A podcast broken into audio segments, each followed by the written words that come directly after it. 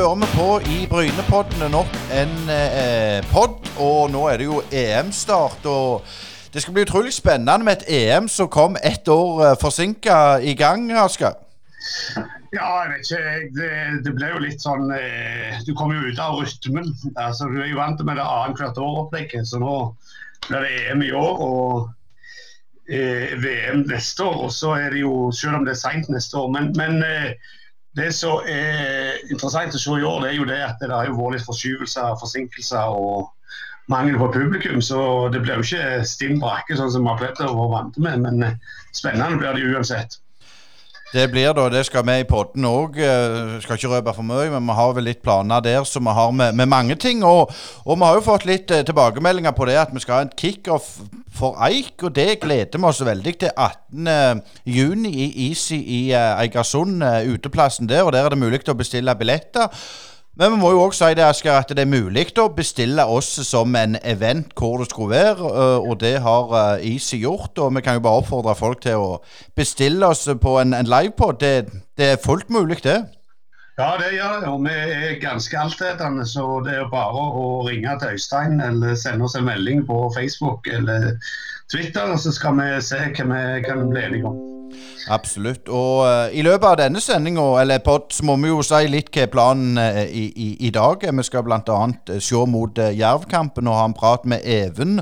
Og så skal vi òg ha prat med en, en bergenser som er litt beskjeden. Ja, vi skal snakke med Arne Sandstø, som da har trent Eik i femte sesongen nå, vel. Eh, Jerv, unnskyld. Femte sesongen. Eh, og det blir spennende å høre, høre litt hvordan de har det, og de har jo åpna akkurat lik Bryne, så det er jo en litt en sekspoenger dette vi ser fram til. Og så har vi jo da en hovedgjest som er på en sånn den gamle kjenning i, i Jerv-fotballen, men som nå er kommet tilbake i manesj. Absolutt. Knut Eriksen. En, uh, jeg skal kalle han Mr. Jekyll og Mr. Hyde, og jeg skal forklare i løpet av potten hvorfor. Men uh, det var en, en lang intro, Asker. Vi får bare kjøre i gang og høre hvordan dette bærer ut. Sparebanken Vest er ikke som andre banker. Den største forskjellen er at det er du og de andre kundene som eier banken, og alle verdiene som skapes, de skaper vi sammen. Verdiene gir tilbake til deg og lokalsamfunnet i form av kundeutbytte til deg og samfunnsutbytte til lokalmiljøene. Hos oss vil du møte en personlig bank og få din egen dedikerte rådgiver. Enten du trenger en prat eller ønsker å fikse ting sjøl, så er vi lett tilgjengelige for deg. Ta gjerne kontakt med oss på spv.no. Håper du vil bli med på laget. Da skal vi få siste oppdatering fra, fra Even Sel om uh, både skader og alt inn mot uh, kampen mot Jerv. Og ja, Jerv-Even det er jo en, en jerv motstander. ja, absolutt. Det blir en tøff kamp på lørdag. Jerv har gjort det bra i innledninga, de. Noen gode resultater. og Slo Start bl.a. borte der som er sterkt. Så tapte de 4-0 mot Fredrikstad i sist kamp, men da skårte Fredrikstad to på slutten der. Så det var gjerne jevnere enn det resultatet tilsa i den kampen der. Men vi møter et, et, godt lag. De er tunge og gode på dødball, bl.a. De har skåret fire mål etter corner. Så er det to mål etter straffe og så ett spillemål. Det var et innlegg så store, sterke, gode hovedspillere Jon Ole Norheim heter i mål. Så det, det, er et eh, godt lag som slår mye innlegg og er tunge gode i boksen. Og så har de òg noen spillere framover med X-faktor og gode dribleferdigheter som må være litt obs på. Ja, jeg husker jo den treningskampen, og det var jo noen eh, veldig gode sånn enkeltspillere. Men de sliter gjerne litt med samhandlinger. Men de har noen ekstreme ferdigheter, noen av de angrepsspillerne der. Ja, det har de. De har en uh, Furtado på høyrekant som er en uh, god dribler. Han dribler mye. Det, men det skal vi klare å håndtere. Så Da er vi iallfall forberedt på det. hva som venter oss. Så er det en Diego Campos som er en veldig bra spiller. Så det er noen spillere med, med en X-faktor der. Det har de absolutt. Men hvordan ser du på det med, med gras? Altså Nå er jo Jerv og Bryne de to eneste som har gras. Skjønt Jerv har jo en dårlig grasbane. Men hvor mye betyr det for, for kamputviklinga, tror du? Nei, Nå er vi godt vant med gras og trives godt på gras. Det ser vi bare så positivt. Selv om vi har jo håndtert kunstgras òg veldig bra på, på bortebane. Så liker vi godt å spille på gress. Det er jo der vi har trent nå den siste tida når været har vært godt òg.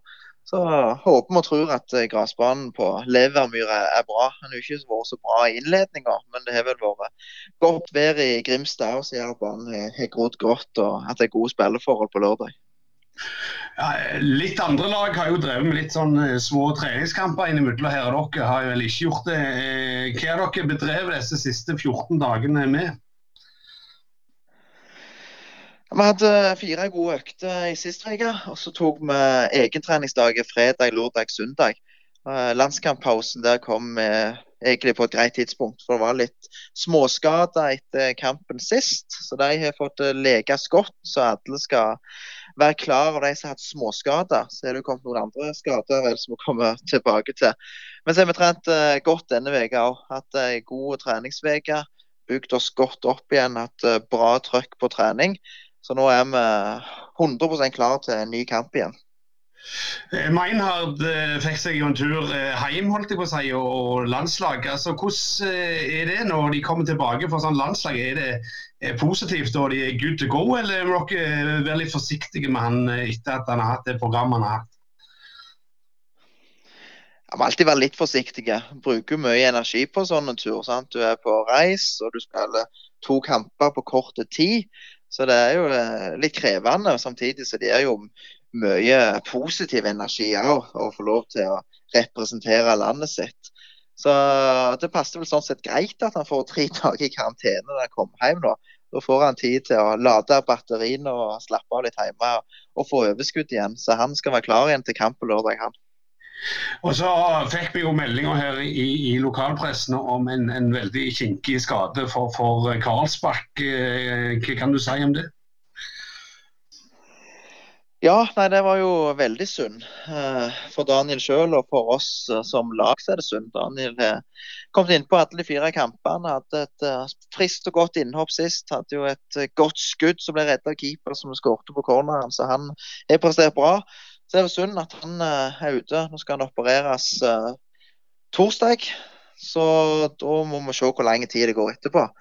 Det er alt fra tre måneder, fire måneder. Det må nesten bare se. Det er viktig at en er grundig og god i opptrening, og det kommer Daniel til, til å være. Han var selvfølgelig langt nede etterpå, men nå er det positive tanker og er med godt mot og skal trene seg godt opp igjen, sånn, så han kommer sterkt tilbake igjen. Så da får han muligheten til å ja, trene opp andre deler av kroppen denne perioden her. Så på lang sikt så kan det gjerne gi godt nytte å få denne skaden her, selv om det er selvfølgelig veldig kjipt her og nå. så så kan han bli mentalt sterk av dette og få bygd seg opp gjerne litt fysisk i, i perioden her nå. Så det bruker perioden fornuftig når skaden først er skjedd. Ja, altså, men, men hva gjør det med, med si, gruppa rundt eh, når sånne ting skjer? Du var vel i, i klubben sjøl når, når Tommy Høiland ble påkjørt og brakk foten og sånn. altså, eh, Blir det noe sånn, litt sånn småsjokk inn, inn i selve gruppa når sånne ting skjer, eller håndterer de det greit? Jeg tror de håndterer det greit. Alle blir jo selvfølgelig veldig lei seg på Daniel sine vegne når sånne ting skjer.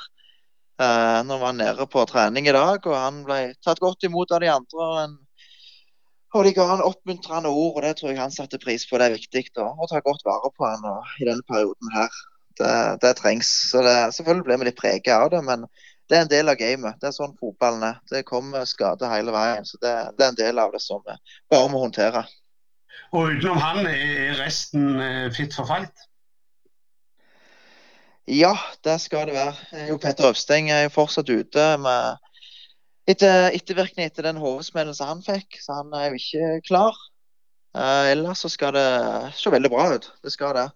Så kan vi nevne at vi har hatt uh, Vetle Apneset, en unge, lovende spiller, som har jo tatt fast med oss på A-laget. Han òg fikk seg dessverre en skade for en liten stund siden, så han òg har operert denne uka. Så han eh, er menisken, så han er òg ute en del måneder. Så det er jo veldig synd for han. Men da får Daniel og Vetle gå i lag og gå på sats og, og pushe hverandre og hjelpe hverandre til å komme godt tilbake igjen. Helt til slutt, Even. Vet du om det er mulighet for fans å komme på Levermur stadion?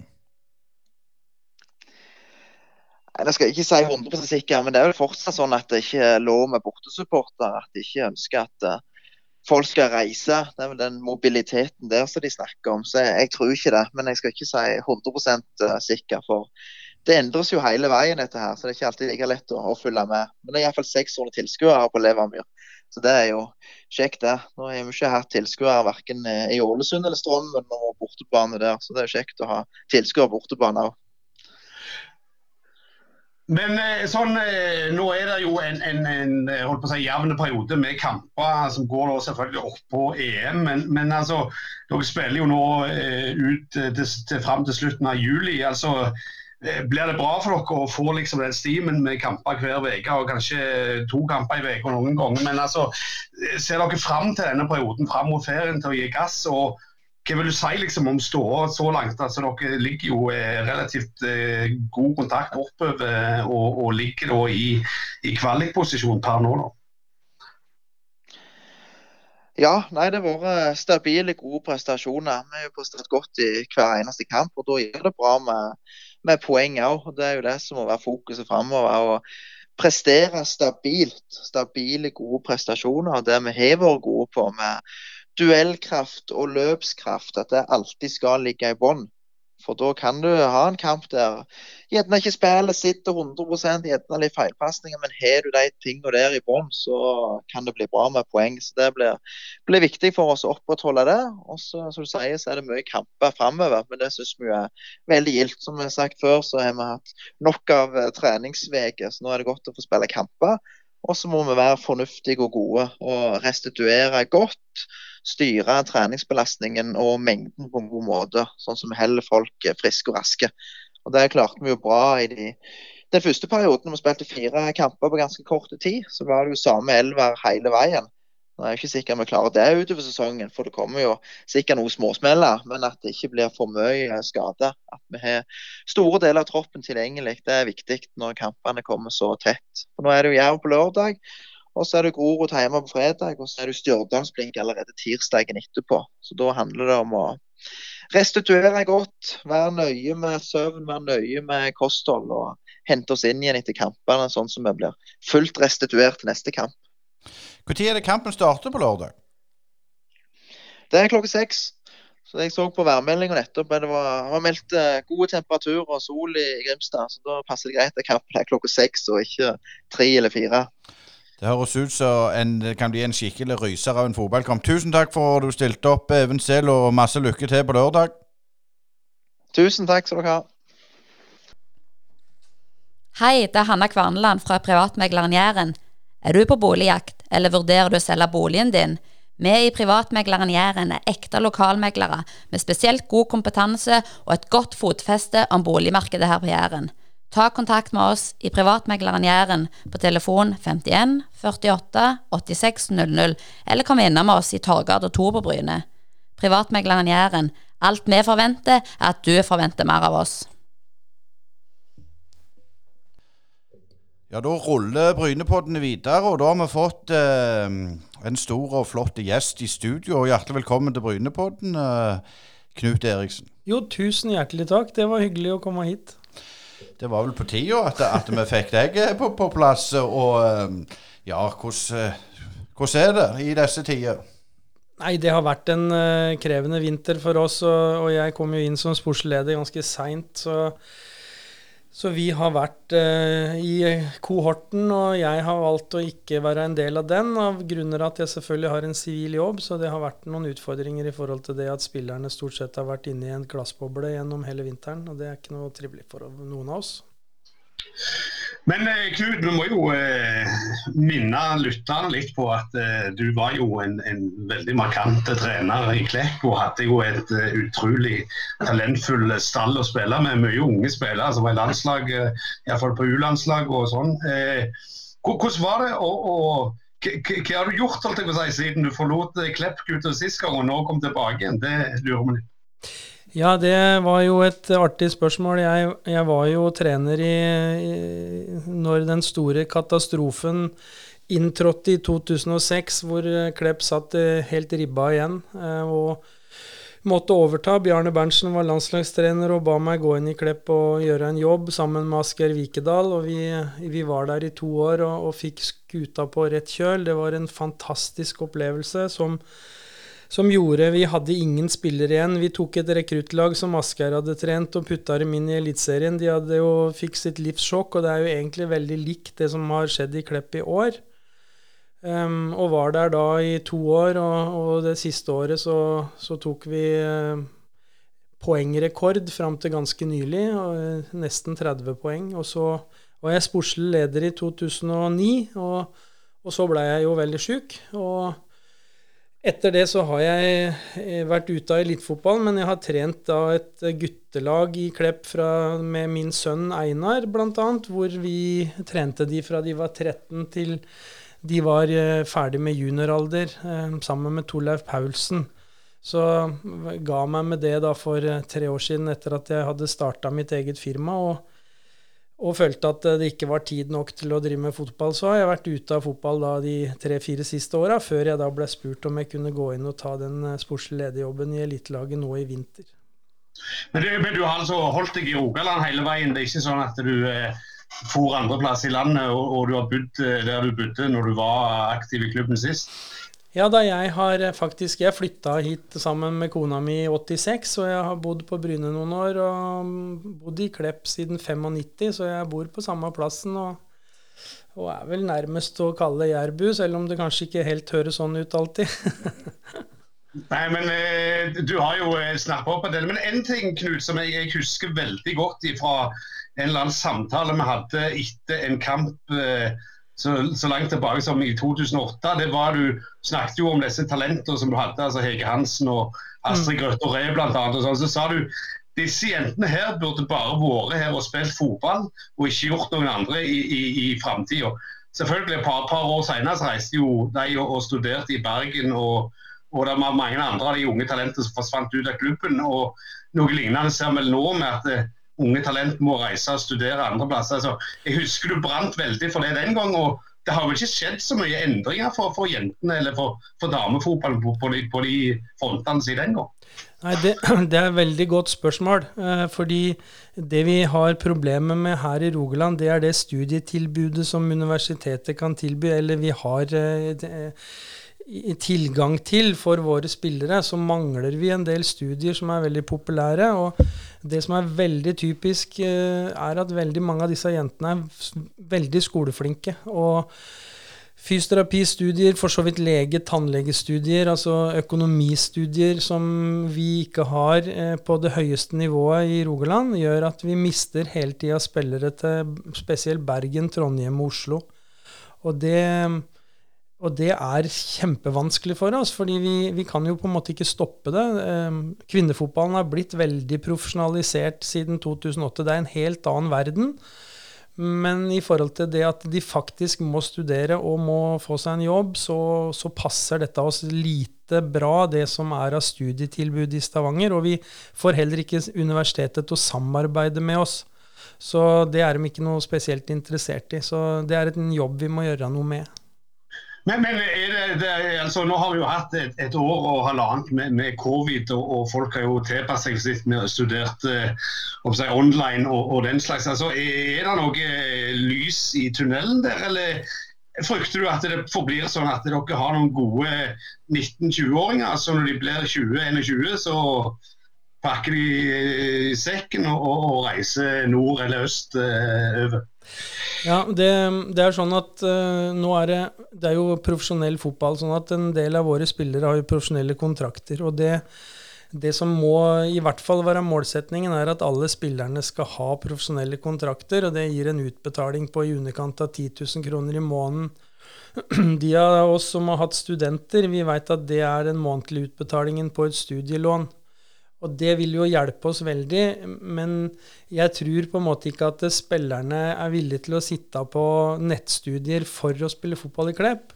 Og så skjer jo det at en del steder i landet så har man noen rike onkler som går inn og tilbyr høyere lønninger enn det vi kan tilby. og og sånn er det i fotball. Og, og, jeg tror når folk liksom sier at de vil reise fra Klepp for å vinne noe, så, så, tror jeg det på en måte er en sannhet med modifikasjoner. Jeg tror at de vil reise for å komme litt vekk fra mor og far, og så tror jeg at de får bedre betalt eh, enn de kan gjøre hos oss i, i noen tilfeller. Men eh, litt sånn eh, om, om eh, de siste årene. Altså, du har vel fulgt med litt fra sida. Sånn. Altså, dere hadde jo en, en ganske god eh, av sesong Harder og, var oppe der igjen. og Så bytta litt mot i fjor, og så mister dere en del spillere, som du sier. og mm. Må liksom begynne litt som dere, du Asker gjorde i, i 2006. altså Eh, men hva er likevel forskjellen på, på, på nå og 2006, når, når du sammenligner de eh, tidene? ja, det er så stort at eh, altså i Klepp nå så er det fire heltidsansatte trenere. Um, spillerne har to proffdager i uka. De er på stadion hver uh, onsdag og hver fredag på heltid. Uh, støtteapparatet er helt annerledes. Fotballforbundet følger opp på en helt annen måte. Um, det er Min jobb eh, så langt har i hovedsak gått i det å følge opp en sånn toppfotballrapport, hvor Fotballforbundet stiller krav til hvordan klubbene skal utvikle seg i forhold til økonomisk støtte. Så vi jobber uh, helt systematisk med å, klubbutvikling for å kunne hente ut mer penger og utvikle klubben sånn at vi kommer på et høyere nivå i forhold til profesjonalitet, og da stilles det krav til F.eks. at jeg i min sportslige lederfunksjon er i halv stilling. Det stilles krav til lagleder i halv stilling osv. Så, videre. så Så forbundet stiller ganske tydelige krav til økt profesjonalisering i kvinnefotballen. Og det krever stadig mer penger. Men, men, økt profesjonalisering ser vi jo eh, si, rundt forbi i, i, i verden òg. Altså, det var jo ingen som snakket om eh, britisk eller engelsk kvinnefotball i noe særlig grad eh, den gang. Eh, og Nå har det jo blitt eh, storklubbene som, som kommer inn. Og, og, det har jo vært en debatt nå eh, i Rogaland om Avaldsnes vikingsammenslåing osv. Altså, det der, er det vanskelig? altså Er det som, litt som med guttene, at jentene òg forsvinner for til utlandet tidligere? Eller, eller er det ennå en får beholde de litt lenger enn det som er tilfellet med unge, unge mannlige talent? Ja, Nå er det i hvert fall én ting som eh, vi ser i år. og Det er at eh, mange av de spillerne som har vært i utlandet nå i to-tre år, kommer tilbake igjen. Eh, og jeg tror kanskje at gresset ikke er så veldig grønt på den andre sida når du kommer ut i de store klubbene. Jeg er ikke sikker på hvor godt tilrettelagt og hvor profesjonelt det er i alle plasser. Jeg tror det er store forskjeller, og jeg tror det er veldig tøffe miljø. Eh, men det har jeg egentlig veldig liten eh, kunnskap om. Men de kommer i alle fall tilbake igjen. Og da Noen har reist til Trondheim, noen har reist til Avaldsnes, noen har reist forskjellige plasser.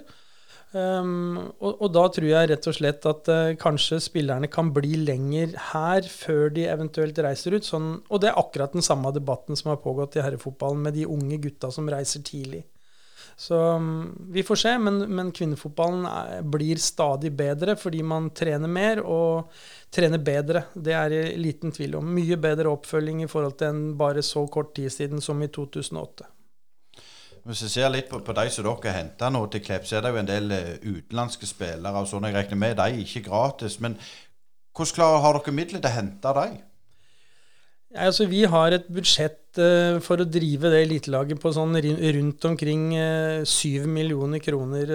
og da er noe av administrasjon og stadiondrift holdt utafor. Så tenker at det koster sånn ca. 10 millioner å drive butikken. Og eh, sånn som det har vært med to utenlandske trenere nå, så har det vært relativt lett å hente spillere fra engelskspråklige land.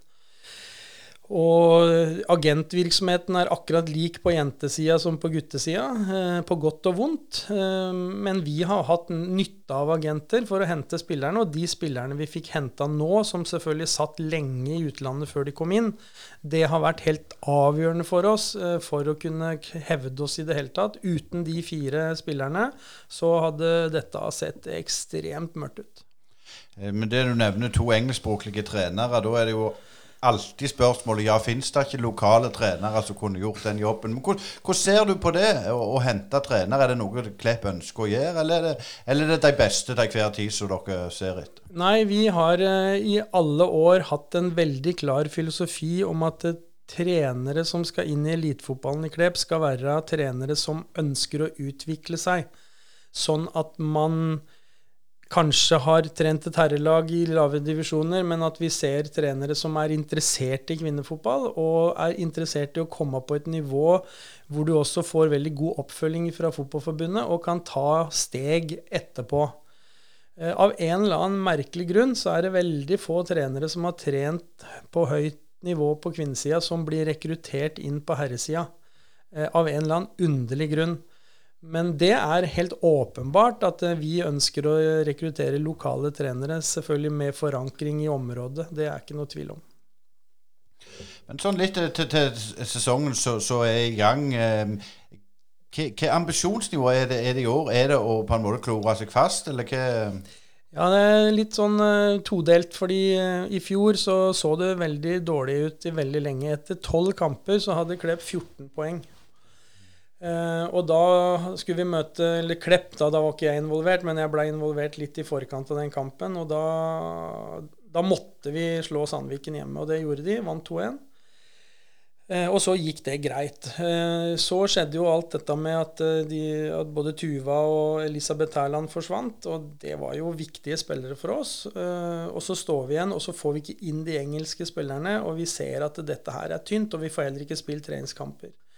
Så vi har sagt at målsetningen i prinsippet er å gjøre det bedre enn i fjor. Men vi trodde etter de to første kampene at det hadde vært mulig å bli blant de seks beste. Nå fikk vi en voldsom flyt. altså Den første kampen, da vinner vi jo 4-1, og vi skårer på fire målsjanser i løpet av de 20 første minuttene. Det var jo et, jeg, jeg trodde jo ikke det jeg så. Eh, og så møter vi Stabæk, og den sånn helt objektivt sett så er det en seier som vi kanskje ikke burde hatt, men vi har stang inn. Så skal vi møte Lyn borte, og vi visste at den kampen blir tøff, og at vi håpa vi skulle ta med oss et poeng. Og så er spillerne litt avskrudde når den kampen starter. Så skal vi ha Lillestrøm nå 19.6, og, og når vi da spiller hjemme, så har vi tro på at vi kan matche de aller fleste. Så jeg tror at eh, vi skal beholde målsettingen med å gjøre det bedre enn i fjor. Og så det, det som skjer i kvinnefotball, er at hvis du tar 13 poeng da er du på en måte på trygg grunn. Så, så får du det fort, så, så, kan du utvikle. Og det er det vi må. Og så må vi rede grunnen for at vi får beholde disse spillerne et år til, eller kanskje to. For det er som Asgeir sa, vi tok altså sølv og bransje to år på rad. Og så forsvinner Ollie, og så overtar Nick, og så står han litt på bar bakke og litt fomlende. Og så må vi starte om igjen, som vi er ganske flinke på på Klepp. da. Men, men, sånn så, hvordan er det å få tak i spillere og rekruttere? Det er klart, eh, Nå uttalte jo Egil seg sist at, at um, de største herreklubbene bør ha òg de beste jenteklubbene. Uh, hvordan ser du på den debatten? Er du, er du, involvert, eller er det sånn du bare tenker ja, ja? Nei, dette er jo, det er jo Frode Olsen som, etter, som, eh, som, var der i 2005, eh, som eh, brakte dette på bane, så vidt jeg vet, første gangen. Og vi i Klepp har sagt at dette har vi ikke noe ønsker om. Vi har bygd stadion etter spesifikasjoner fra toppfotballkrava. Vi er den eneste klubben som har gjort det. Lyn spiller på Kringsjå. Det er altså banen til idrettshøyskolen. Veldig mange klubber fyller ikke krava til toppfotballstandard i forhold til arenaer. Av en eller annen grunn så får de fortsette å ha dispensasjon for det. Og det er klart at hvis da en klubb som da eh, Trondheimsøren, som heller ikke fylte krava. Før de fikk bygd en egen stadion nå, for i fjor. Så hvis de da kan spille på Lerkendal, og Viking kan spille på Viking stadion, så er jo dette problemet løst. Og så er det lettere med et stort markedsapparat å skaffe seg de penga. Så jeg tror at i og med at man har sagt at det er mulig å overta plassen, så tror jeg ikke vi kan stanse det. Vi skulle ønske at de Viking eventuelt måtte kvalifisere seg via seriesystemet. Men hvis Avaldsnes har lyst til å gi vekk plassen sin, så kan ikke vi gjøre noe med det. Så må vi bare si hjertelig velkommen. Men vi syns det er en rar løsning. Eh, men det er en villet løsning i norsk kvinnefotball på administrasjonsnivå. Og da må vi bare si OK, vi fortsetter som Klepp, og vi kommer til å være der så lenge vi klarer å finansiere det vi driver med. Eh, nå, nå, er det et, et, litt vanskelig spørsmål, siden du ikke var, var 100% involvert i den tida, Knut. Men eh, der, altså, før Avaldsnes hadde jo Klepp mer og mindre monopol fra eh, ja, Aust-Agder til, til, til, Eller, eller iallfall fra Vest-Agder kanskje, og, og, og, opp hele Rogaland. Altså, ja. Det der at Avaldsnes plutselig dukket opp, og en lokal investor pumpa inn mye midler. og hvilken måte endra det liksom dynamikken i, i kvinnefotball i Rogaland? Nei, det, det, det endra veldig lite. fordi at det som skjedde der oppe, var at Arne Utvik han hadde et jentelag som han bygde opp. Han ansatte en trener, og de rykka opp til andredivisjon og rykka opp til førstedivisjon med et veldig godt juniorlag. Og så kommer de opp, og så kjøper han 14 utenlandske spillere. Så, så, det laget som da på en måte etablerte seg der i 2012-2013, det var finansiert med penger fra Arne Utvik. Mens vi har hele tida rekruttert spillere fra klubbene rundt oss. Og eh, i alle år så har vi vært ute og trent lag i klubbene. Vi har hatt eh, treningssamlinger med spillerne. Nå har vi akademi hvor eh, spillerne fra andre klubber kommer inn til oss, og de får et kamp- og treningstilbud på høyt nivå.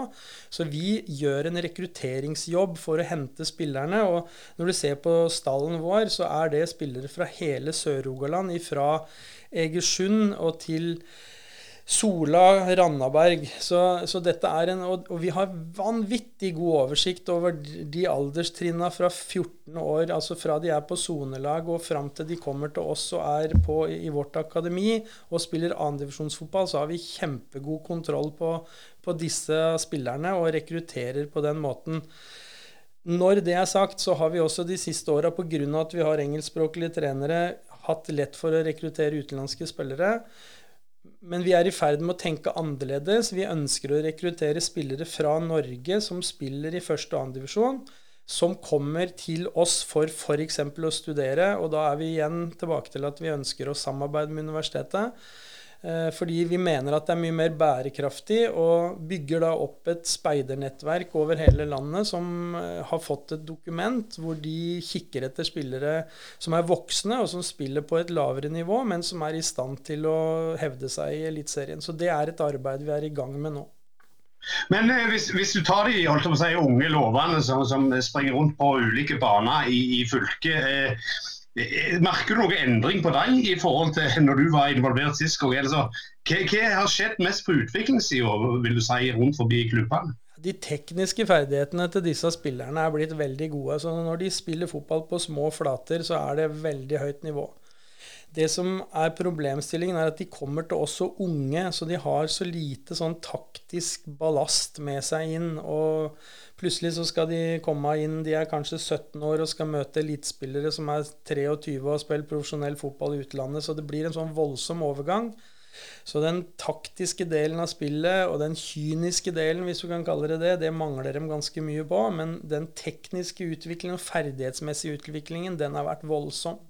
Så det er, det er høyt nivå på det de leverer med ball, da. Tenker litt på sånn samarbeid med, med naboklubber. Vi har jo Brynese rett borti hauget her, og, og, og, flere med deg. Hvordan er det Klepp tenker da å få til noe samarbeid? For det virker jo sånn at Eller det er bare sånn flåsete sagt. Er det godt nok, eller er det mulighet å gjøre det enda bedre?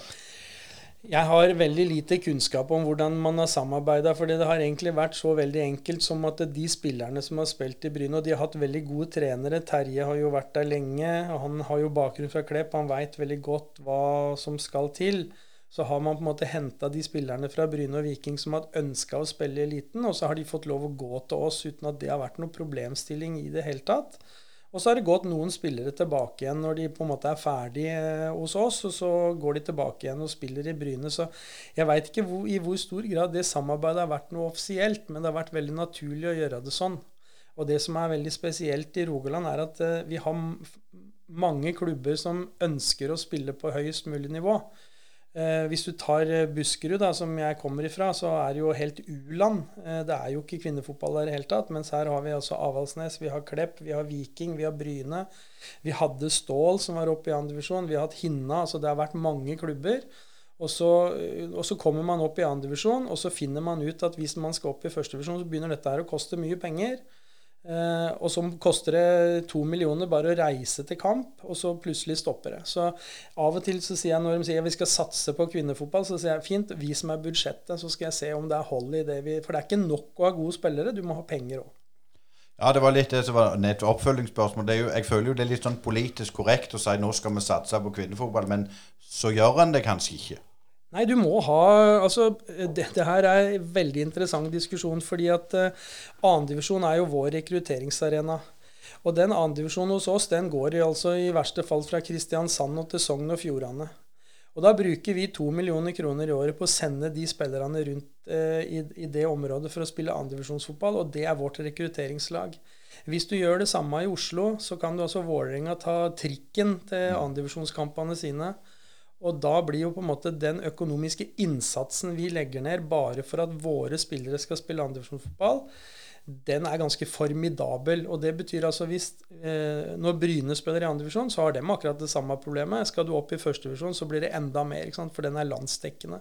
Så da er det sånn to til tre millioner kroner det koster. Så det er det du må på en legge i bånn. Og så kommer jo alt det andre. Som jeg sier, vi bruker mellom sju og ti millioner på å spille eliteserie, og da har vi også med det andredivisjonslaget vårt. Men spør de klubbene deg eller Klepp om råd?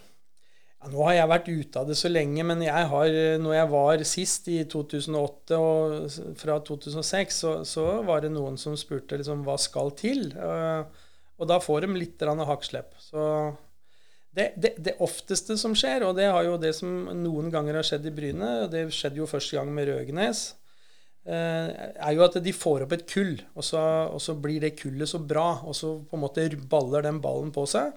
Og så har vel Bryne to ganger tidligere, eller i hvert fall én, lagt ned kvinnefotballen.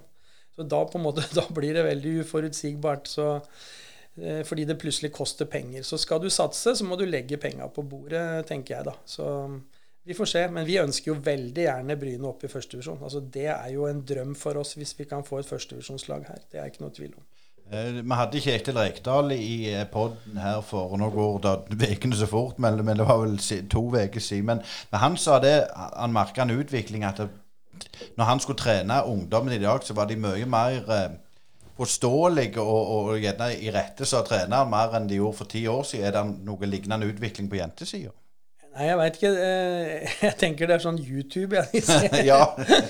Eh, men jeg, det som er typisk for jenter, er at de er så innmari flinke. Eh, og de gjør jobben.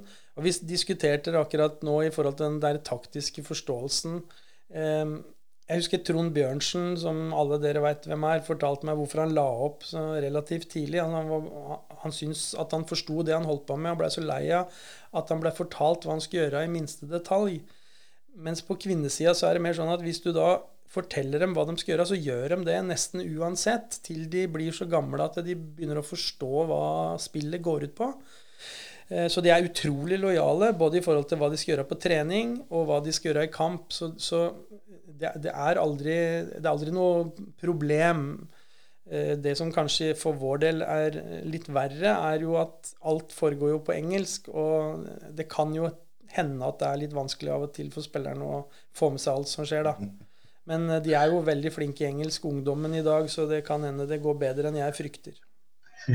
Men, men, eh, Knut, jeg har litt lyst til å ta deg litt tilbake til det du snakket om tidligere. Du snakket om noen lag her som hadde gode trenere og, og de gode årgangene. og sånn. Altså, sånn Generelt eh, rundt forbi klubbene, er det noen forskjell for foreldre å trene jentelag og guttelag? Da snakker jeg om de, de sånn, eh, ganske små. og sånn, altså er det liksom litt mer lukrativt å trene guttelag enn å trene jentelag? Har du inntrykk av at det er litt sånn, eller er det etter, hvilke foreldre du havner, havner i lag med? Det, det, er vanskelig å si. Jeg, jeg veit ikke om jeg kan uttale meg om det, men jeg, jeg, tenker at det er veldig mange foreldre som ønsker at ungene sine skal lykkes, og så tenker jeg at um, det er viktig at de trenerne lar unger få lov å spille fotball. Altså fotball er spill og lek, og hvis vi ønsker jo nå å lage et et rammeverk for trenerne i vår egen klubb, sånn at eh, de kan gjøre fornuftige treninger med de laga de trener. Og det viktigste de kan gjøre, hvis de ikke veit hva de skal gjøre, det er jo å lage en bane og spille tre mot tre eller fire mot fire.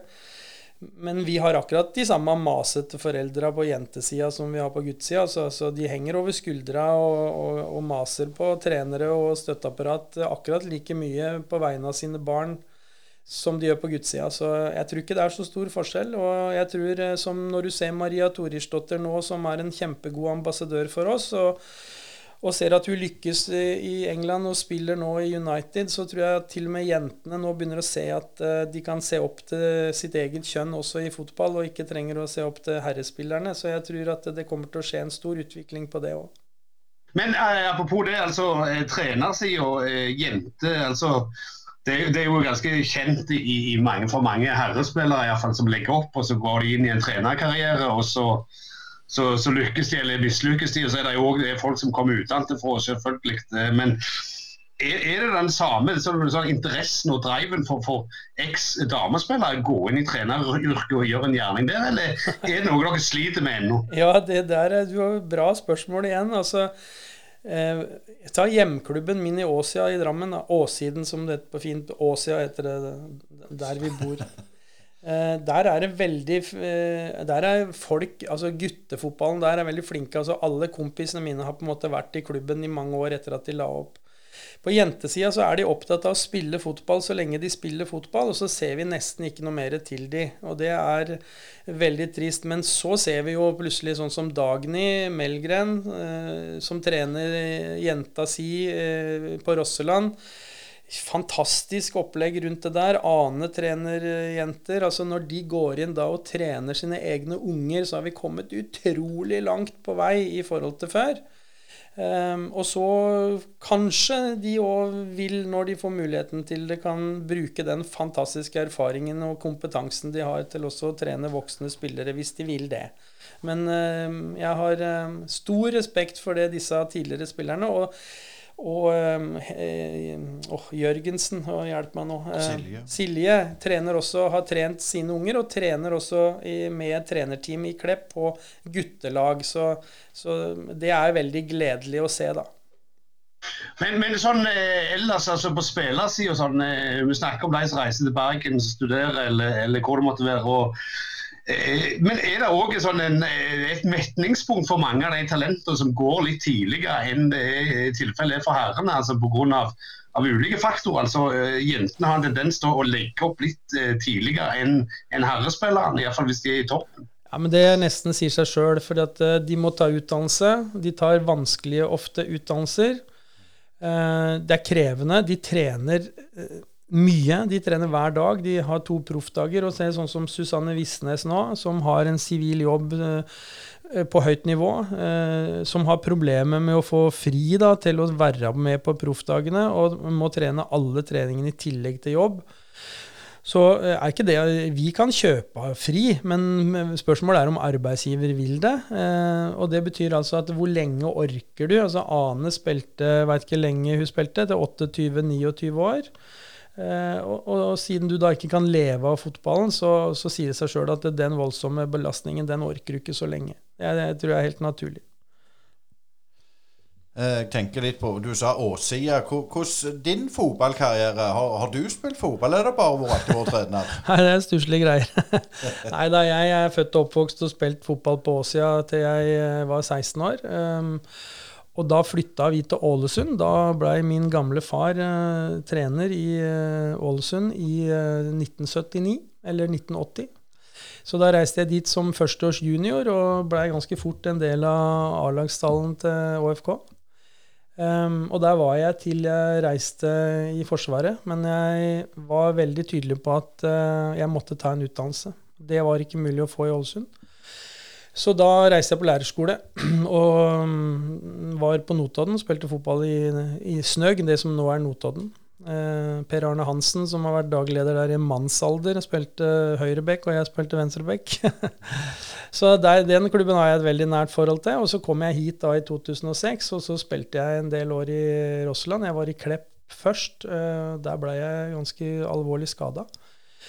Eh, så jeg var vekk lenge, og så flytta jeg til Bryne og spilte i Rosseland jeg tror i fire-fem sesonger. Og så, Da trente jeg juniorlaget til Klepp i, fra 88, 87, 88, 89. Morten Haaland, eh, Rune Austli og de gutta. Fantastisk opplevelse. Jeg var ikke så gammel i kroppen sjøl.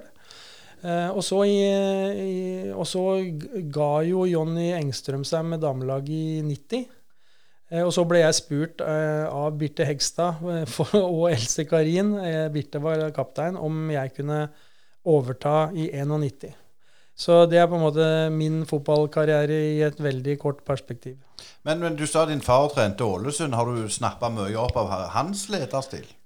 Jeg vet ikke om jeg snappa så mye opp på hans lederstil, men jeg har lært enormt mye fotball. Eh, jeg var med pappa, han spilte i Strømsgodset i gullåra fra 68 til 72.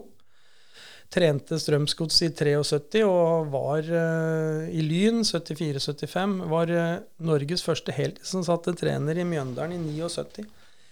Eh, og jeg var med på alt. Um, så jeg, jeg, vokste opp ute på en fotballbane. Um, så lærte fantastisk mye fotball av pappa. Og, og har uh, Ja, så, så, sånn er det. Så um, jeg har fått det inn med morsmelka. Var, var det noe snakk om det veldig forsmedelige tapet på Anfield òg rundt i kjøkkenbordet, eller ble du skåna for slikt? Du, det der er jo Jeg har jo programmet fra den kampen, jeg. Um, og det er, eh, det er, jo sånn at um, det, er, det, er, liksom ikke noe de er flaue av. De bare veit at de er blitt en del av historien.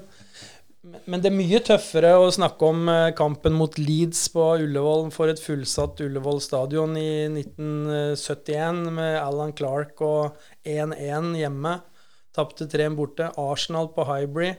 Spilte uavgjort eller tapte med ett mål hjemme. Fullsatt Ullevål på, på, i flomlys. det er jo helt magisk øyeblikk. Så, så, det er ting som jeg på en måte aldri glemmer.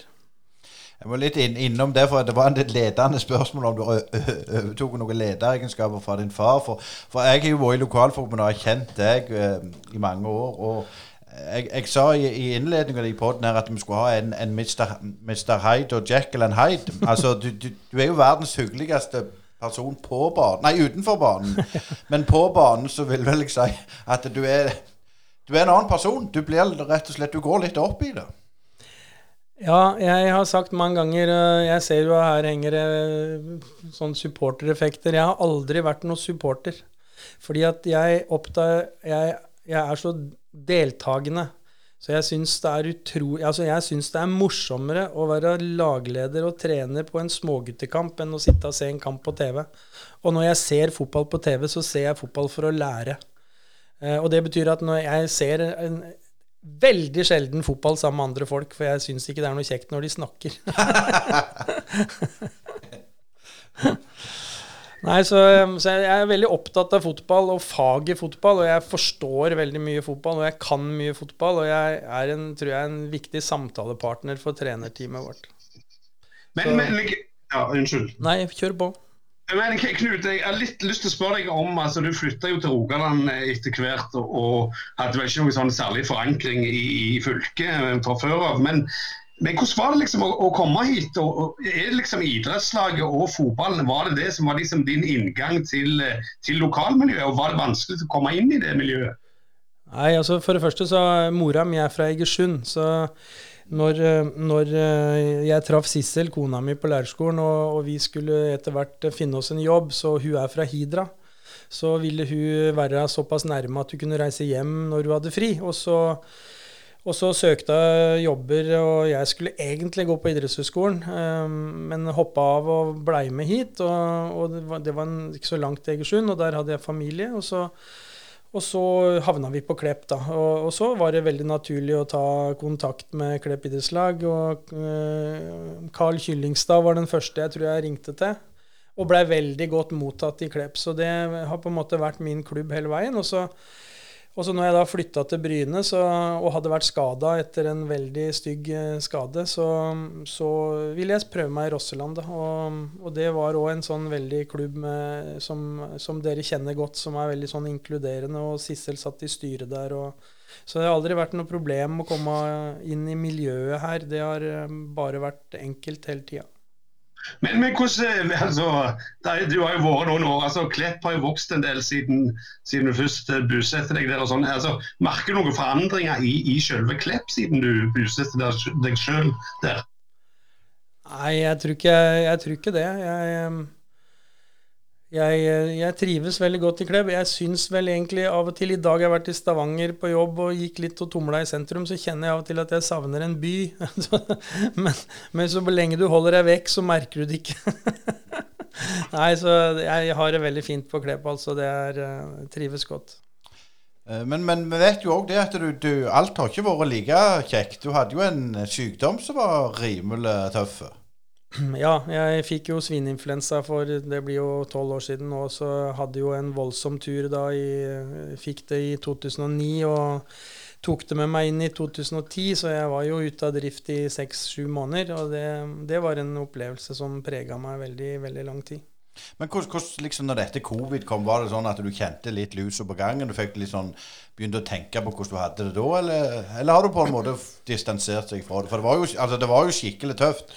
Ja, ja, det var eh, Jeg, jeg hadde veldig flaks som overlevde det. og og jeg har vært veldig forsiktig, eh, også fordi at jeg driver kursvirksomhet for håndverkerbedrifter. Og jeg har, eh, hadde før covid kom veldig mange reisedøgn, og jeg prøvde jo å opprettholde det også underveis her. Så jeg har vært veldig forsiktig og, og har vært veldig bekymra for å bli smitta. Og, og jeg veit hvor sjuk du kan bli. og og jeg sier at når da Jeg blir litt sånn Jeg må få lov å si det. At når jeg ser eh, f.eks. russen, som jeg ikke syns veldig synd på, for å si det rett ut, eh, ikke bryr seg om hvor sjuk du faktisk kan bli, så, så blir jeg veldig bekymra, fordi jeg veit hvordan det er å være veldig veldig sjuk og ha flaks for å overleve. og det, Du kan ikke satse på flaks i det, i det gamet der da. Så jeg håper at alle snart tar vaksinen og oppfører seg som folk, så vi slipper dette her. Ja, Du er jo vaksinert, du Asker, så du, du, du, oppfører deg vel som folk uansett? Jo, jeg sitter jo isolert her omtrent for meg sjøl, eh, enda mer enn en Knut gjør. Så for, for, for, meg så er det ikke så farlig. Men jeg har lyst til å spørre litt, Knut, eh, om eh, liksom, hva tenker du liksom, når du er tilbake igjen i klubben og, og skal liksom legge litt planer og tenke litt framover? Altså, hvor langt fram i tid ser du, og, og hva, hva målsetting har du sett? Ja, som vi sa at uh jeg sa til Øystein at målsetningen eh, offisielt har vært å gjøre det bedre enn i fjor. Og i fjor så gikk det veldig trått veldig lenge. Det var liksom stang ut veldig lenge. 12 poeng etter 14 kamper og møtte Sandviken hjemme og måtte vinne. Eh, og så kom vi veldig godt i gang og følte vi hadde litt stang inn. Vi fikk en veldig boost når vi fikk de fire amerikanske og australske spillerne inn rett før seriestart. Eh, spillerne slapp ned skuldrene. De fikk noen voksne de kunne lene seg på. Um, og så tenker vi at uh, det her er om å gjøre å ta 12-13 poeng så fort som mulig, for da kommer du aldri til å rykke ned. Og så tror vi at hvis vi får litt flyt og får dette til, så ser det ut som om det er så mye ferdigheter og fart i det laget her at det kanskje vi kan komme inn blant de seks beste. Så eh, det er eh, de todelte målsetningene. Og når du spør om litt lengre, på litt lengre sikt, så er det helt åpenbart for meg at vi må klare å beholde spillerne. Altså eh, Emma Braut Brunes, som nå er 17-18 år gammel, vi må klare å beholde hun lenger, f.eks. da, bare fordi hun er lokal, eh, lenger enn bare til hun er ferdig på videregående skole. Sånn at vi må sette inn noe grep for å kunne ha spillerne til, hos oss til de blir voksne. Sånn at det argumentet vi vil vekk fra Klepp for å vinne noe, det, det er for tynt. Altså, vi kan vinne noe i Klepp hvis vi klarer å beholde spilleren lenge. Så det er en åpenbar målsetning. Og den andre det er å rekruttere spillere fra eh, Norge, fra andre klubber, eh, og hente de hit for å få til et studietilbud som holder mål. Eh, til slutt, fra, fra, min kant. Eh, når du da gikk inn igjen på, på stadion og var tilbake i grønt, eh, hvordan var det rent følelsesmessig for Knut Eriksen å, å trå inn i korridorene igjen? ja, jeg vet at eh, jeg har jo en historie med den stadion. fordi at når Den, den ble jo bygd fordi Dere vet jo åssen Klepp stadion så ut. Det var jo et skur av en garderobe og en betongkloss av en tribune. Det så jo ikke ut. Og, og det gjorde at ingen ville komme til Klepp. Altså, det var jo grusomt. Og så, så kom de her eh, toppfotballkrava fra Fotballforbundet da i ca. 2006. Og så bygde vi den stadion, og sto, den sto ferdig i 2007 til hjemmekampen mot Kolbotn eh, på høsten, eh, i september. Og eh, da hadde jeg en, si, en deltidsstilling i Klepp hvor jeg skulle samle inn penger til den stadion. Så jeg finansierte ganske stor del av den stadion eh, på det tidspunktet med å reise rundt og møte folk og samle inn penger. Og da husker jeg veldig godt jeg lagde meg et visittkort, og på det visittkortet så sto det Knut Eriksen, og så der hvor det sto tittel, der sto det 'Møtende spiss'. Så, så, jeg har et veldig nært forhold til det stadionbygget. Så det var utrolig trivelig å for så vidt komme tilbake i en funksjon. Men det som har vært en utfordring for oss altså Jeg som sportsleder jeg har jo da ikke valgt å gå inn i kohorten, fordi det stiller noen voldsomme krav til at du ikke kan gjøre noen andre ting. Og jeg har en sivil jobb. Så det, det, har vært krevende å bli kjent med spillerne. Trenerne har vi klart, fordi der kan vi gjøre det på litt andre måter. men men det har vært, jeg gleder meg på en måte til vi kan bevege oss normalt i garderober og i fellesarealene, sånn at vi får et nærmere forhold til spillerne, vi, vi som er litt utafor sjølve gruppa. Da. Det, det skal bli godt. Eh, men sånn du var nevne på det med, med markedsmiddel og sånn. Eh, nå, nå, er det jo ikke din jobb, det. Det, det er jo Einar Braut og, og, vel Hege Hansen som styrer. Men, men, hvordan er det å få inn midler nå? Er det, er, det, er det, lettere nå enn for ti år siden? Ja, nei, det er, altså, jeg skal ikke påstå at det er lett, og jeg skal ikke påstå at det er lettere. Men det som har skjedd, det er jo at uh, Elfin Lea fikk jo jobb etter han gikk av som ordfører i Klepp som markedssjef. Og han starta jo opp et sponsornettverk i Klepp som, som veldig fort blei veldig stort. Sånn at nå er det sponsornettverket til Klepp så stort at vi kan ikke ha møtene på stadion, for det er ikke plass. Eh, sånn at vi har veldig mange flotte sponsorer som har vært med Klepp i veldig mange år. Eh, men det vi for så vidt mangler, I den grad vi ønsker det. Det er en som kan, eller en forening eller en, en forretning som kan gå inn med eh, nok penger til at vi er konkurransedyktige. Eh, men så må vi finne vår egen vei. og Det er jo ikke sikkert at vi skal hente en spiller til en million kroner som skal være her i ett år. Men det å bygge opp en struktur som gjør at vi kan beholde de unge spillerne i egen klubb og lønne dem sånn at de blir her i studietida, det er en målsetning for oss. Så den, eh, den pengebasen for å få det til, den skulle jeg gjerne hatt. Men, eh, men Einar har overtatt jobben til Elfin. Og de folka i Klepp som holder på med marked, gjør en fantastisk jobb i det sponsornettverket, så det er forbilledlig en liten oppfordring der hvis det er noen som sitter og hører på og har lyst til å gå inn og styrke Skal vi kalle det akademiet, da? Er det det vi skal si? Ja, altså det er at vi må kunne ha penger til å beholde spillerne i Rogaland, sånn at vi kan et studie, finne et studietilbud og gi dem en lønn som de kan leve av i studietida, sånn at de kommer ut ferdig studerte som 4-25-åringer. Da har de spilt fotball hos oss kanskje i sju år, og så har de ikke studielån. Og så har de til og med kanskje spart litt penger. Så det er drømmen, og det er det vi jobber imot nå, å kunne klare det. da. Men helt til slutt, eh, Knut. Eh, det var veldig eh, kjekt å, ha deg som gjest her. Men du har sett utrolig mange bra spillere i Klepp og tida di som trener og mens jeg spiller sjøl. Da må vi ha den beste, den beste herrespilleren du har, du har sett, og den beste jentespilleren. Ja, det, Hvis du snakker lokalfotball da, så, så, så det, må jeg si jeg må begynne på jentesida. fordi der har jeg Birte Hegstad er jo et unikum som var her i 91 eh, når jeg kom hit som dametrener første gangen. Birte var ultraamerikansk. Hun hadde gått på college i USA, og hun hadde en vinnerskalle som var helt sinnssyk. Jeg har aldri opplevd maken. Ferdighetsmessig, hun var landslagskaptein, så var det relativt begrensa. Men fy fader, for et vinnerhue. Eh, og da sa spillerne liksom Det er greit, det, Knut, når du sier noe til oss, så hører vi hva du sier. Men når Birte sier det, da gjør vi det. Liksom, og det har jeg prøvd å på en måte fortelle til de som har kommet etter, i forhold til det å være kaptein i et lag. altså Det å stille de krava, det å være den tydelige lederen. Selv om ferdighetene var begrensa, så var altså det andre helt magisk. Eh, og så må jeg si, når du da får Astrid Grøtte og Re som 15-åring og får beskjed i januar måned at du skal spille høyreback mot Kolbotn i eh, mai og løser dette og blir en veldig god spiller som reiser først til Bergen for å studere og kommer tilbake igjen, så, så er det en spiller som har satt dype spor i meg også. Selvfølgelig sammen med Dagny, som jeg trente på Eh, på et prosjekt i Olympiatoppen før OL, og vi løp på stadion og snakka om at det gikk an å avgjøre OL-finalen, og det gjorde vi altså lenge før den finalen, og så gjøre det. Det er jo ting som har satt voldsomme spor.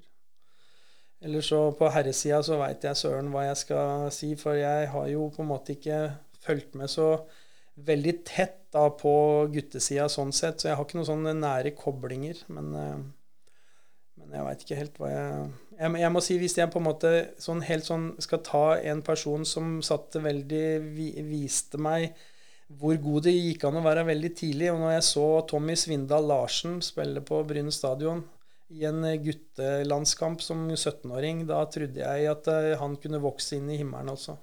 Eh, det skjedde ikke, og det viser jo bare at det er utrolig mange ting som skal til for å bli god, og det tror jeg alle spillere må forstå. Selv om du har et talent, så er det så ekstremt mye som skal klaffe for å klare det. Og det, det er mye som skal ligge til rette. Det er mye som skal ligge til rette. Tusen takk for at du stilte opp i Brynepodden, Knut. Ja, det var kjempemorsomt, så tusen takk.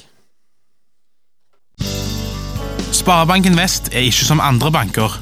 Den største forskjellen er at det er du og de andre kundene som eier banken, og alle verdiene som skapes, de skaper vi sammen.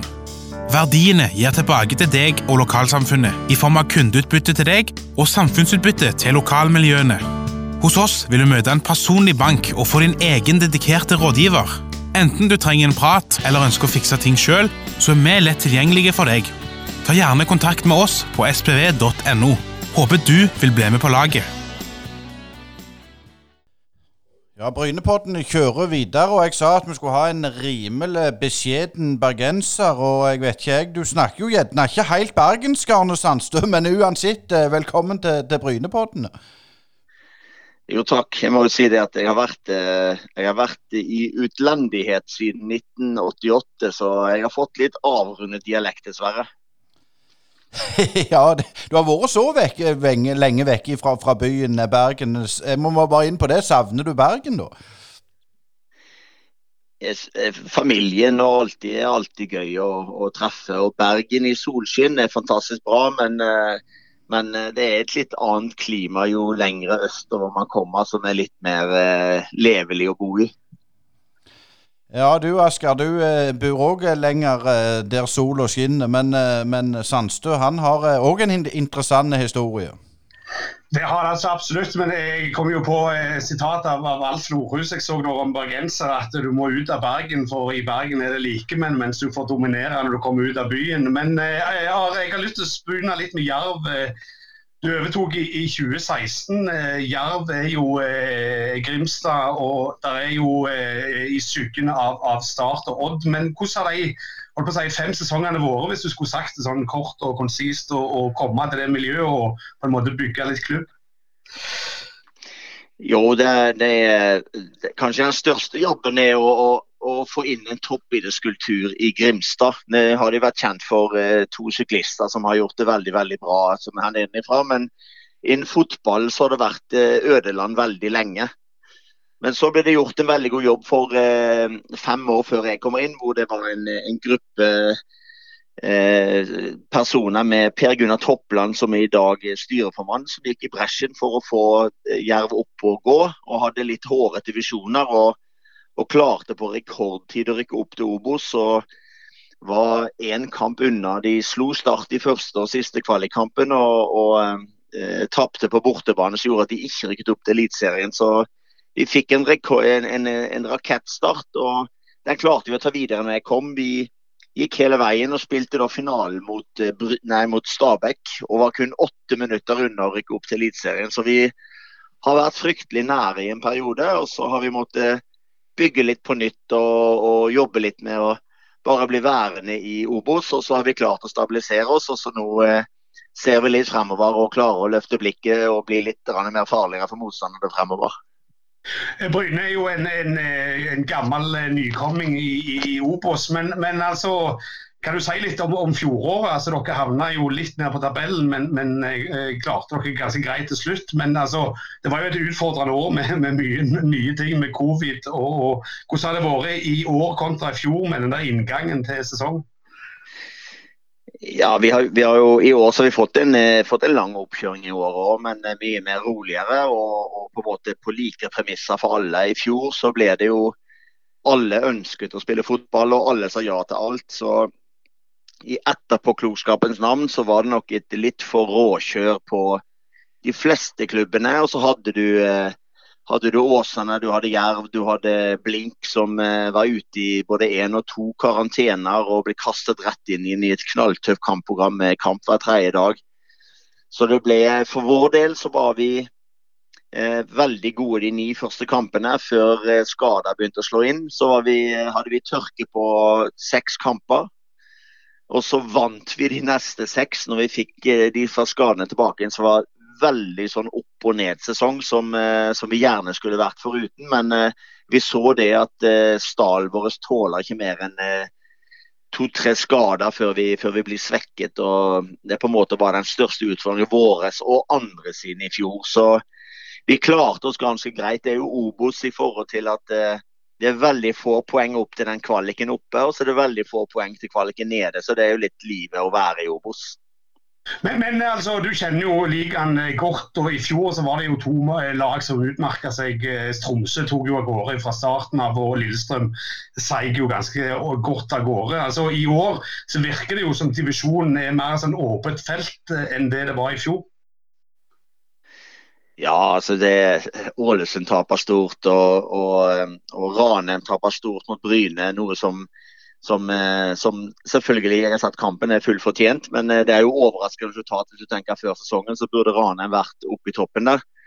Eh, så tror jeg nok de store sånn over tid klarer å ta igjen det de taper til å begynne med. Og så er det opp til å Bryne og Fredrikstad der og klarer å holde den entusiasmen og holde den selvtilliten som man har bygd opp gjennom å vinne veldig mange kamp året før. Det er når man rykker opp. Eh, så eh, sier statistikken da at eh, de lagene som har nyopprykket, som gjør det bra til å begynne med, de flater litt ut halvveis.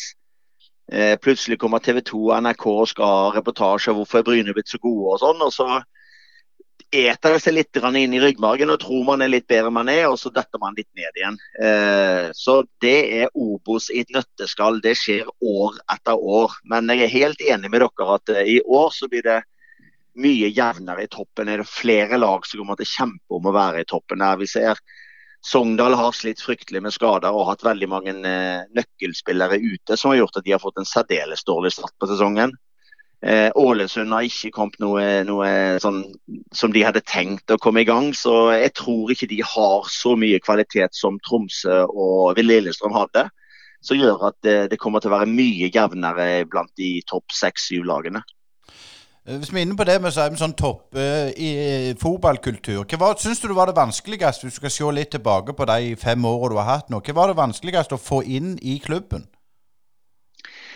Altså Det vanskeligste er all omfeltet rundt. Eh, klubben skjønner det, men omfeltet har vært vant til at det gjøres på en spesiell måte. og da er det veldig tungt med endring.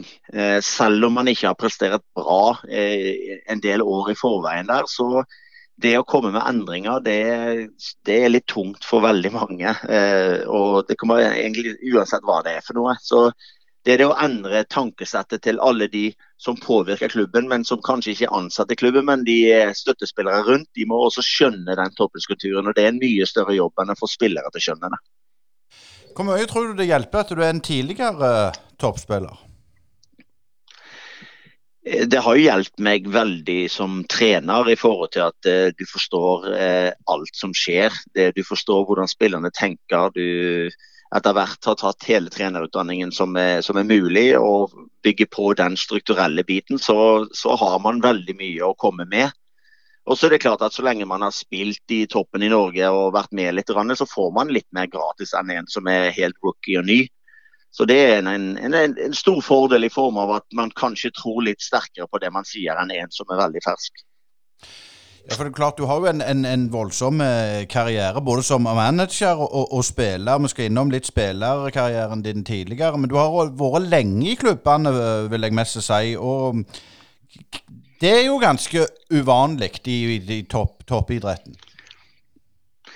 Jeg var jo, når jeg, når jeg, begynte som trener i 2000 med Odd, så var jeg eh, åtte år i Odd. og På den tiden her så var det 52 trenere som ble sparket i samme ligaen. Så, så, jeg tror da, eller det, altså det er et kvalitetstegn i form av at klubben er fornøyd med de prosessene som eh, jobbes med, og hvordan det jobbes på feltet, og hvordan man påvirker spillergruppen. Eh, og at man også er dus med spillergruppen. Jeg tror en god kombinasjon av der, det er det som skal til for å lykkes. Jeg tror det er et sånt stort rødt flagg i disse dager. Det er det at det klekkes ut veldig mange nye trenere, men de klarer seg ikke uten laptopen under armen. De er ekstremt flinke på powerpoint og lager øvelser og, og har stor øvelsesbank eh, og kan all verden når de sitter inne i et lite rom. Men når de skal ut og kommunisere med 22 forskjellige spillere og coache og drive øvelser og drive trening, så blir de stive i ryggen og blir stille og ikke klarer å påvirke i den grad som de tror de skulle gjøre. Så det er litt sånn Har man erfaringen, har man spilt, så det er alltid et stort pluss eh, når man da klarer å legge til den strukturen man får gjennom trenerutdanningen. Så god kombinasjon av det må være på plass. Også sosial intelligens.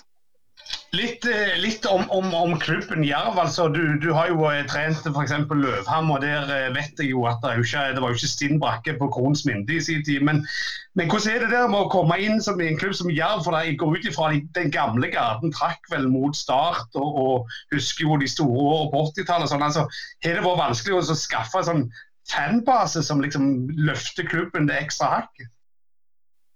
Altså, I, i Obos så har eh så, så er, har Jerv vært sånn midt på treet-klubb i forhold til tilskuere. Det er en god del klubber som har fryktelig lite tilskuere på kampene. Så de har vært sånn midt i haugen. Men vi ser det at eh, vinner vi et uh, par kamper på rad, så har vi 1200-1300 i snitt i sesongen.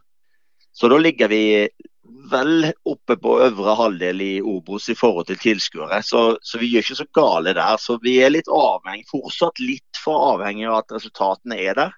Skulle gjerne hatt flere som er der hver gang, men vi har en brukbar menighet på en eh, 600 stykker som kommer hver gang. Eh, og så svinger de andre litt om, eh, om de kommer. Men eh, de årene hvor vi var i toppen og spilte kvalik i hele pakka, så hadde vi oppimot 2000 tilskuere.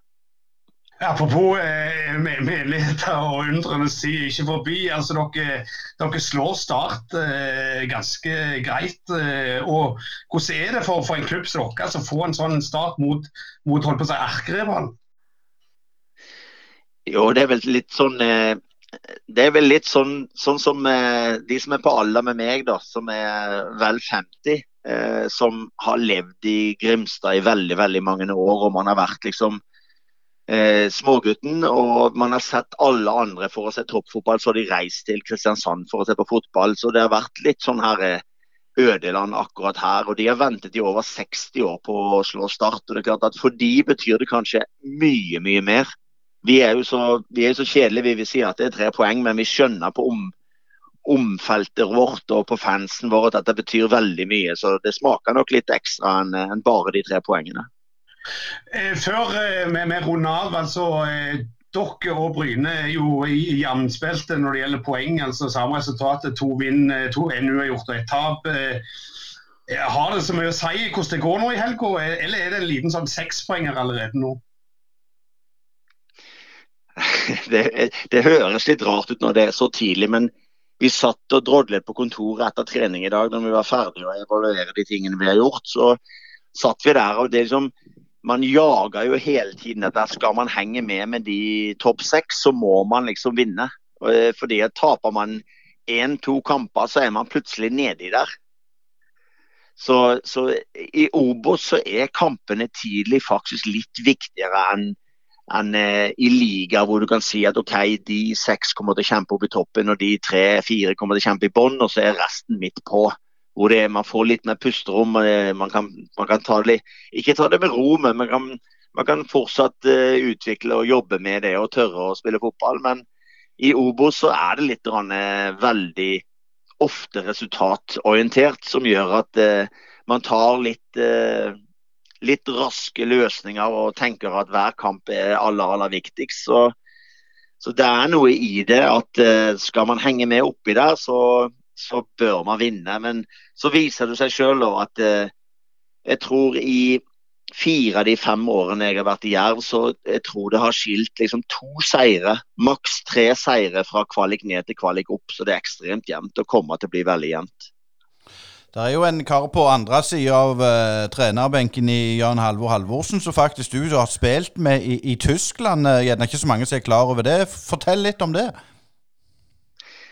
Ja, det kan fortelle om det, da, at vi eh, Jeg var der nede, hadde vært der i, eh, i, eh, i en liten periode. Så kom Jan Halvor ned og ble hentet til klubben. Så vi traff hverandre flere ganger i uken, selvfølgelig på trening, men også sosialt. Vi var han og så var det en del nordmenn der nede. Han traff jo sin kommende fru og kone der nede. Så det var veldig mange nordmenn som var fysioterapeuter eh, eller studerte til fysioterapi. Så vi hadde en sånn fast dag i uken hvor vi, hvor vi traff hverandre og spilte biljard og hadde litt sosialt. Jan Halvor og en som het Erik fra Arendal og meg. Og vi ante fred og ingen fare. Plutselig var det politirazzia i hele greia. Så vi endte opp opp etter veggen, hvor de presset opp etter veggen, hver sin politimann. Og de stormet eh, sjappen helt full. da. Og så, så kommer det inn da han eh, som var sjef for politiet. Og så så han meg, så spurte han hva jeg gjorde. Og så viste det at det var faren til en spiller som jeg kjente. Så han spurte hva jeg gjorde her. Jo, så sa jeg jeg er sammen med Jan Halvor Halvorsen. Og så hørte du bare han politien som sto og trykte Jan Halvor opp etter veggen og sier oi, scheisse, sier han. Da, da, han sto og så på Jan Halvor hver eneste helg når han spilte på Hertha BC, men uh, akkurat det øyeblikket der så ble han trykt opp etter veggen. Så viser det seg at den shoppen vi var på, var Tidligere så ble det omsatt våpen og tull og tøys inne på den sjappen. Det var en helt vanlig biljardhall for oss. men... Uh, det hadde en stygg historie, den sjappen der, og de skulle bare kontrollere at ting ikke hadde utviklet seg i, i, feil retning igjen. Men eh, det var vårt, eh, en av våre første møter i Berlin. Det, det er en fantastisk avslutning på en god prat, eh, Arne Sandstø. Lykke til med kampen, og tusen takk for at du stilte opp i, i Brynepodden. I, I like måte. Bare hyggelig. Hei, det er Hanna Kvarneland fra privatmegleren Jæren. Er du på boligjakt, eller vurderer du å selge boligen din? Vi i Privatmegleren Jæren er ekte lokalmeglere med spesielt god kompetanse og et godt fotfeste om boligmarkedet her på Jæren. Ta kontakt med oss i Privatmegleren Jæren på telefon 51 48 86 00, eller kom innom oss i Torgata 2 på Bryne. Privatmegleren Jæren. Alt vi forventer, er at du forventer mer av oss. Brynepoddene går mot slutten, og vi kan jo bare oppfordre Hvis det er sponsorer eller folk som vil ha oss på arrangement, så er det bare å ta kontakt med oss. Finne kontaktinfo på, på Facebook og, og Twitter og, og, og, hva det heter det, Instagram. Men, men det, det, var jo en, en fantastisk uh, drøs vi hadde med, med Knut Eriksen. Og det er kjekt at sånne folk er tilbake i, i manesjen. Ja, ve veldig kjekt. og Knut Eriksen har jeg eh, bare gode minner om. Eh, og Det var kjekt å høre at han var tilbake igjen og høre litt hva han tenker og litt om hva som endrer seg. og Mye av det han sa eh, nå, eh, har jo tanker som vi har hatt lenge. så får vi håpe at for kvinnefotballen sin del at de får litt bedre mulighet til å holde spillerne de par, par tre år og lenger. Det vil nok være rett og slett et, et ikke være eller ikke være. Hvis de ikke klarer det, så tror jeg de kommer til å slite som klubb uh, på toppnivå på, på jentesida. Men klarer de det, så eh, tror jeg sky is the limit. For jeg tror de har fått gode folk. Og så få en eh, lokale norske trener på plass, så tror jeg det kan bli kjempeinteressant å følge Klepp-jentene framover. Og så syns jeg òg at det var kjekt å høre med, med, med både Even og, og Arne Sandstø sin, sin røverhistorie. Ja, altså det er jo eh, Får vi håpe at eh, Jan Halvor ikke blir klemt opp til veggen eh, nå på lørdag. At det blir en, en god kamp for Bryne del. Jeg tror det, det, kan bli en ganske jevn batalje, det der. Og, og Bryne slo det jo i, i treningskampen på et straffevel. Og, og, det er vel ikke gitt noen ting som helst ennå der. Men, men som Sandstø er inne på, som har vært noen år i den ligaen, så så er det eh, fort at du er nede i sorpa hvis du avgjør poeng eh, for tidlig. Det er helt korrekt, og jeg skal gi deg oppdateringer etter kampen med en ekstrasending. Jeg skal ned på Jerv og dekke den, så det er bare å følge med på Brynepoddene framover. Og tusen takk for at du hørte på.